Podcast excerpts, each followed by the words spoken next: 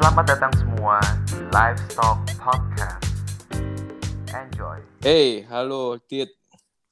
Halo Dre. Siang, Halo, siang, siang, siang. Apa kabar? Wih, eh, baik selalu.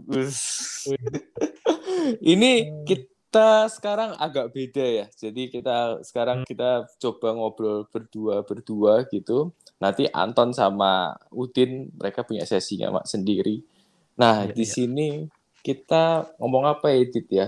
Ngomong-ngomong ringan aja lah ya, ngobrol-ngobrol kayak Iya, kita kalau Biar ngobrol nggak- di. nggak Hmm. ngobrolin peternakan terus juga nggak masalah sih. Yang lain juga boleh. Iya, siap. Kita apa ya? Aku tuh lagi kepikiran kita sih, kita lagi kepikiran apa tuh sebelum ini kan kita ngobrol-ngobrol dikit soal eh, apa namanya investasi ya. Jadi eh, kita Hmm. kan kerja memang di bidang peternakan, memang eh, itu main main worknya kita di situ. Terus eh, kita dapat uang di situ. Nah, uang kita kan nggak nggak semua kita beliin apa-apa jadi barang kan, jadi barang konsumtif, tapi kita taruh itu agar itu bisa eh, sebagai apa ya pasif income juga bisa ya Dit ya. Eh, Nah di situ nanti eh, masih kita kita apa ngobrol eh, berdasarkan pengalaman aja. Jadi kamu kalau investasi investasi apa Dit saat ini Dit? Kalau aku pribadi ya saat ini sih yang ngikuti jalur mainstream aja kan Dre yang ada. Hmm, Kalau eh, yang jelas saham ada ya iseng-iseng ya. iseng mas- eh, masukin saham terus eh, ada yang namanya unit link ngerti? Unit link seperti apa itu? Kayak aku, aku taunya asuransi, asu- unit link tuh. Eh ya, ya semacam asuransi cuman unit link ini kayak eh, satu produk dari bank gitu. Aku ikut dari satu bank itu dia eh, bikin sebuah produk yang isinya adalah reksadana. Reksadananya macam-macam, ada yang pasar uang, pasar saham gitu. Jadi kayak Oke. menghimpun kita masukin dana ke sana, nanti itu bisa dalam berupa asuransi, bisa berupa investasi yang nanti uang itu sama manajer manajer investasinya akan dialokasikan ke eh, ya nanti kita eh, awalnya kita mau ke mana ke saham atau ke pasar uang atau ke mana gitu itu Hmm. unit link Oke oke. Terus Mm-mm. saham, unit link terus apa lagi? saham unit link terus kemarin juga sempat eh, karena kita orang peternakan ya aku Hmm. coba masuk juga ke fintech di bidang peternakan juga financial Oh. technology Nah, Itu ke, Jadi- mekanismenya seperti apa kalau yang itu? Yang peternakan ini? Kalau yang peternakan itu jadi kita eh, ada sebuah platform gitu. Mungkin bisa aja di, di search di internet platform di Indonesia kok ini Hmm. eh, bikinan Indonesia. Mereka semacam eh, menghubungkan petani-petani atau peternak-peternak di luar sana. Mereka kan butuh butuh modal tuh mereka. Hmm. mereka punya lahan mereka punya tenaga tapi biasanya modalnya kurang. Nah sehingga di situ eh, perusahaan financial teknologinya itu akan menghubungkan mereka yang butuh modal dengan kita yang eh, punya modal. Jadi misalkan eh, dari satu proyek ini butuh 100 unit per unitnya misalkan satu juta gitu. Hmm. ya udah kita tinggal masukin aja mau eh, berapa unit misalkan satu unit beli satu juta gitu. Nanti ada di kontraknya itu ada keuntungan setahun misalkan eh, 13 persen 15 persen gitu Oh, jadi kita kayak beli apa kuponnya gitu ya. Jadi kelipatan satu Hmm. juta gitu ya. Iya semacam itu sih mungkin kalau gampangannya ini kita juga eh, kalau misalkan kamu pernah belajar saham itu kan kita beli kepemilikan di satu perusahaan nah ini mirip-mirip gitu kita beli kepemilikan di sebuah usaha Usaha. pertanian atau usaha peternakan gitu. Oke, ini istilahnya apa ya? Peer to peer lending gitu ya. Hmm, Bisa ya di- mungkin pop- populernya seperti itu ya peer to peer lending. Cuman bukan hanya, aku senangnya sih bukan hanya eh, apa kita minjemin uang ke seseorang terus nanti or- o- orang itu akan akan balikin tanpa tanpa jelas itu uang itu Mm-mm. mau dipakai buat apa ya kalau di sini karena memang tujuannya untuk untuk modalin si petani atau peternak itu makanya masuk Iya. ke sana. Lebih profesional dan bisa apa eh, apa ya lebih terpercaya gitu ya. Iya. Terus apa dan lagi, memang? Heeh, gimana? Eh, Iya, iya kalau tadi nambahin aja memang mereka ada Oh. ada laporannya setiap bulan, setiap dua bulan sekali bakal dikirimin laporan foto, terus perkembangan hasilnya udah kayak gimana gitu. Hmm, menarik, menarik. Di bidang peternakan lagi ya. Ini, Di bidang ini peternakan bisa di search kok itu di di googling. Kalau aku sih pakainya sekarang eh, ada yang namanya iGrow. Ini bu- bukan promosi ya. iya. Tapi ada ada yang lainnya sebenarnya. Dulu ada yang namanya Tani Joy, ada yang eh, Ternak ID kalau nggak salah gitu. Oke, oke. Itu kalau kita kan eh, kalau fintech fintech seperti ini kan banyak ya, Dit ya. Itu kita Hmm. eh, kalau kamu pengalamanmu gitu, Dit, untuk menentukan fintech ini kredibel apa enggak gitu gimana, Dit? Eh, untuk saat ini sih standar yang aku pakai, yang penting dia sudah terdaftar di OJK itu dulu sih. Hmm. Eh, kalau untuk yang lainnya eh, biasanya review-review aja dari internet. Cuman memang kita mesti milih si reviewnya yang yang yang objektif gitu. Soalnya ada juga yang review yang mungkin orangnya si A gitu, terus di review yang A bagus, terus yang lain Iya, Jadi iya. memang aku le- mesti hati-hati juga sih di di fintech karena ini memang tipe tipe investasi yang baru baru Hmm. saya- mm, gitu. Setuju, setuju. Jadi kita harus hati-hati ya. Aku juga belum belum pernah sih karena pertama takut dan kita, aku nggak tahu cara menentukan kredibilitas eh, fintech mana yang bagus gitu. Ya, Tapi nanti suatu saat coba-coba juga. Terus selain itu apa, Dit? Kayaknya kamu banyak banget ini instrumennya. ya eh, belajar-belajar aja sih. Yang terakhir ini eh, akhir-akhir ini kan baru ngetren ya cryptocurrency gitu. Hmm. Ya, ini ini juga masih belajar juga sih eh, gimana cara kerjanya cryptocurrency kan banyak juga ternyata selama ini yang kita tahu kan cuman Bitcoin ya ternyata Ya. ada juga eh, yang namanya Ethereum itu kayak ta- eh, di bawahnya Bitcoin gitu. Terus ya dan koin-koin yang lain gitu yang kadang juga koin nggak jelas gitu cuman menarik untuk dipelajari sebenarnya. Itu gimana sih dia eh, dalam dalam menghasilkan koin itu apa caranya gimana sih? Hmm, wah ini Gitu ya. Kita juga orang IT ya yang tahu. Ya, kalau itu sebenarnya menghasil eh, ini kita belajar eh, berbicara tentang Bitcoin kita benar-benar berbicara terkait satu hal yang baru sih di di apa pembukuan pembukuan yang terdesentralisasi namanya. Jadi Hmm. kalau selama ini kan pembukuan akuntansi itu kan dicatat di bank, eh, kemudian pemerintah punya akses untuk untuk pembukuan kita, transaksi kita itu semuanya ter terrekod lah ya? di bank. Ya. Nah, dengan adanya eh, Bitcoin ini, eh bukan sebenarnya bukan karena Bitcoin sebelumnya itu ada pembukuan eh, yang terdesentralisasi, jadi orang nggak bisa ngecek itu, orang nggak bisa nge-tracking kita transaksi ke siapa, namanya blockchain Hmm. itu semacam eh, pembukuan pembukuan ya pembukuan dasar cuman kita kita melibatkan verifikasinya melibatkan semua orang yang terlibat gitu Oke. Jadi tra- lebih transparan ya ini ya.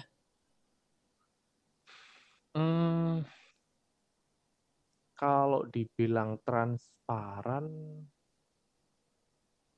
kurang jelas juga sih cuman karena memang ini nggak sebenarnya malah transaksinya nggak kita nggak bisa terdeteksi sih cuman ke- kadang memang gitu. itu transaksi ilegal pun eh, banyak di, di makanya untuk saat ini eh, regulasinya juga di banyak tempat banyak negara memang belum belum diregulasi dengan benar karena Ya. karena itu Oke, oke, oke.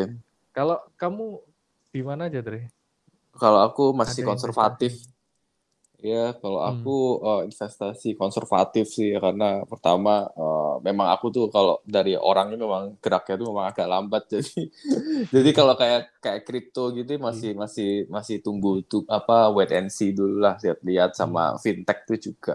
Sejauh Hmm, ini sih ngerti lah ya ngerti ya dari ceritamu tadi. Iya.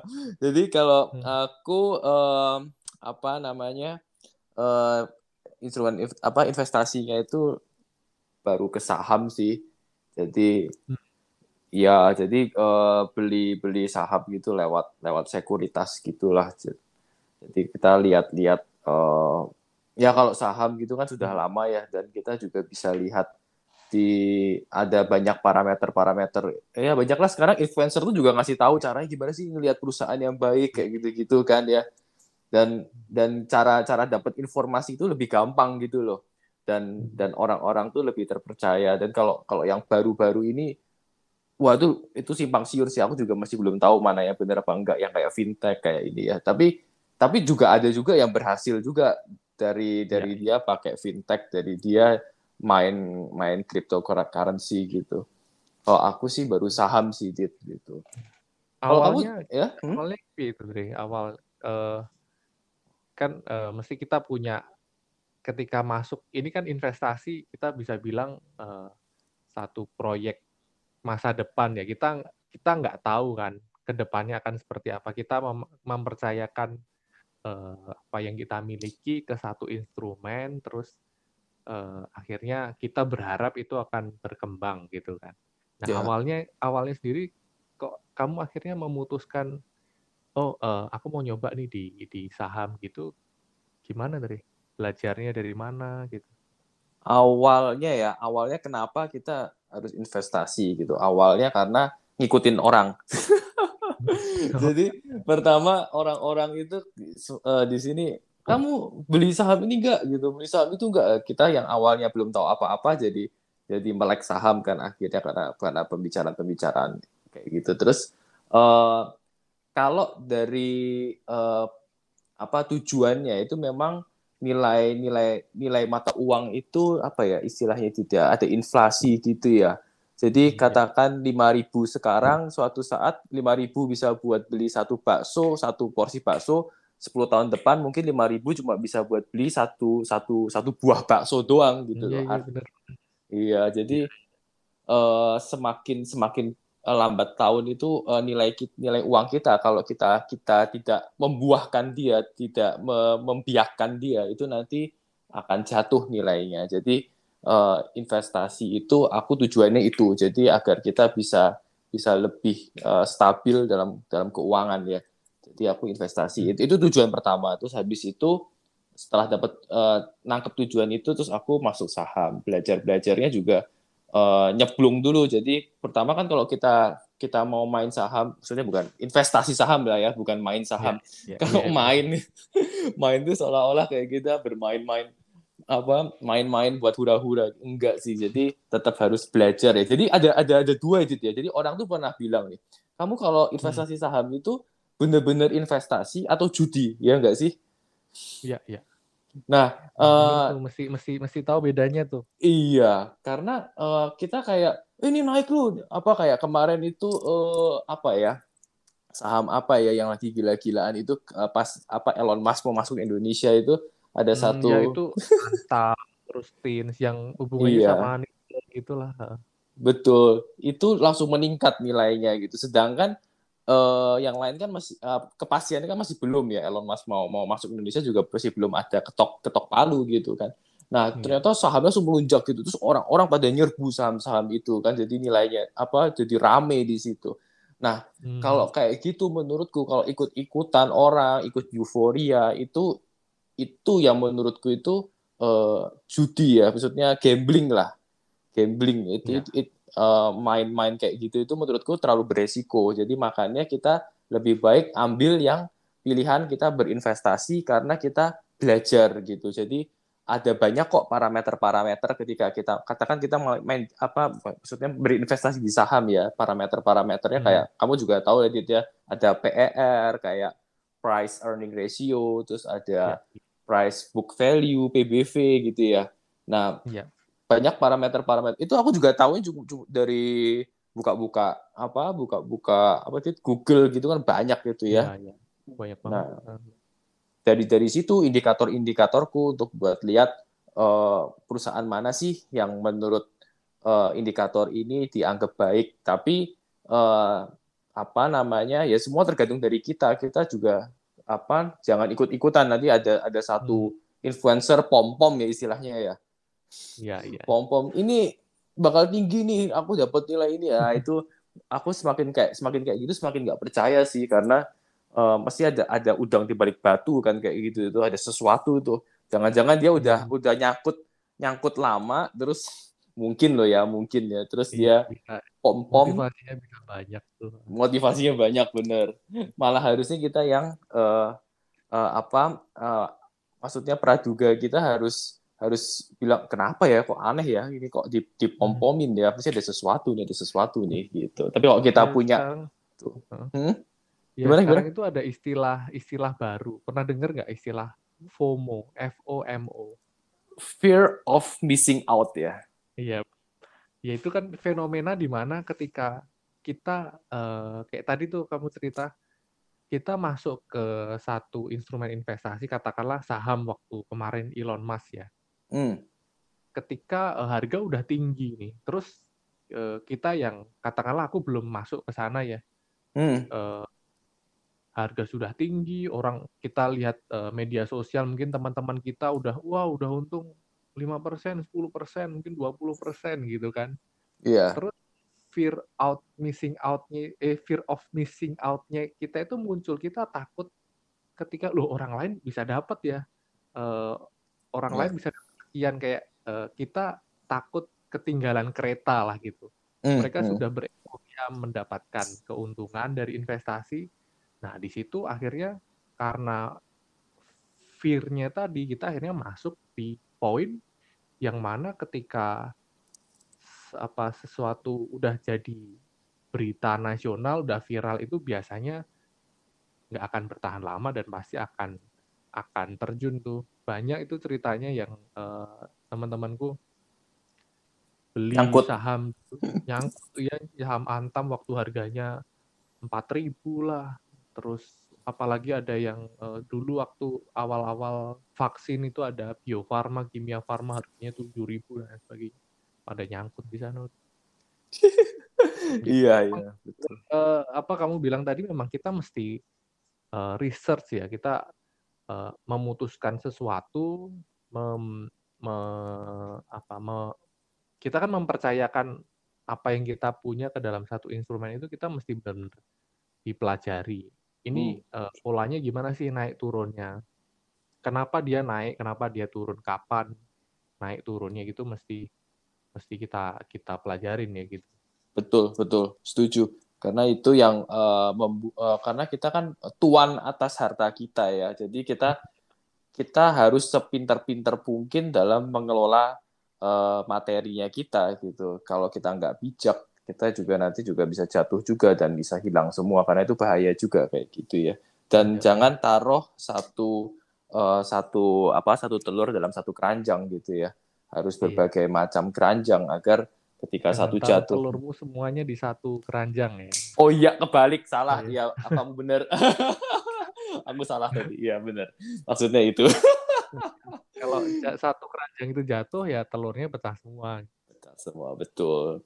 Makanya kita harus taruh di berbagai uh, macam. Jadi kalau kayak main saham bukan main lagi. Kalau investasi saham jangan iya. jangan cuma jangan satu satu apa ya, satu jenis katakan mainnya di bank semua gitu kan. Harus hmm. ada bank satu, nanti ada juga di di mana uh, consumer good-nya juga ada satu, terus ya, nanti ya. ada di poultry juga ada satu.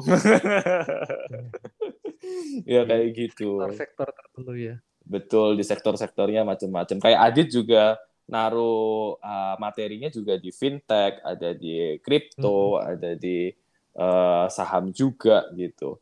Itu itu hmm. Itu untuk kita bertahan ke depan. Kalau kita cuma naruhnya di bawah ranjang ya selamanya uangnya akan bernilai itu tok, tapi nilainya akan maksudnya kegunaannya akan berkurang gitu ya. Kita harus ya. lebih bijak. Oke nih, apa kita uh, kita nggak nggak bakal detail di sini dan dan disclaimernya hmm. juga kita di sini yeah. cuma ngomong itu cuma pengalaman. cuma pengalaman betul yeah. dan ini tidak tidak uh, membawa orang untuk memilih uh, harus investasi apa harus memilih iya. saham apa gitu tidak ada sama sekali iya. jadi uh, kalau kalian mau untung ya syukur kalau kalau nggak untung ya jangan nyalah nyalain tapi tapi terakhir deh Oke, siap. Apa, Dit? Ya, maksudnya uh, biar biar yang dengerin kita nggak akhirnya takut nih, oh malah nanti gimana ya masuk uh, mesti investasi apa ya nanti akhirnya rugi. Hmm. Uh, intinya satu sih kayak tadi yang kamu cerita, uh, at least kita masuk dulu lah. Tadi kamu bilang kan masuk dulu terus hmm. biar bisa dipelajarin dan memang kalau modalnya itu kalau untuk beli saham misalkan katakanlah saham uh, uh, apa bank BRI lah. Hmm. Uh, sekarang itu mungkin cuma 400 ribu kok kita bisa uh, masuk ke sana. Nah, di situ kita karena punya uang di sana, kita bisa lebih pelajarin nih, oh ternyata dia naik turunnya seperti ini. Kita punya willing ketika eh, punya willing belajar ketika kita punya sesuatu di di sana. Oke, jadi, setuju. Ya. Yeah. Nggak usah takut sebenarnya. Jadi di, tetap harus di berhati-hati dan dipelajari. Itu ya. intinya jangan banyak-banyak masukinnya kalau lagi belajar. Atau mau pakai uh, program demo juga bisa ya sebelum masuk kalau yep. takut. Yep. Oke. Okay. Sip, setuju. Uh, okay.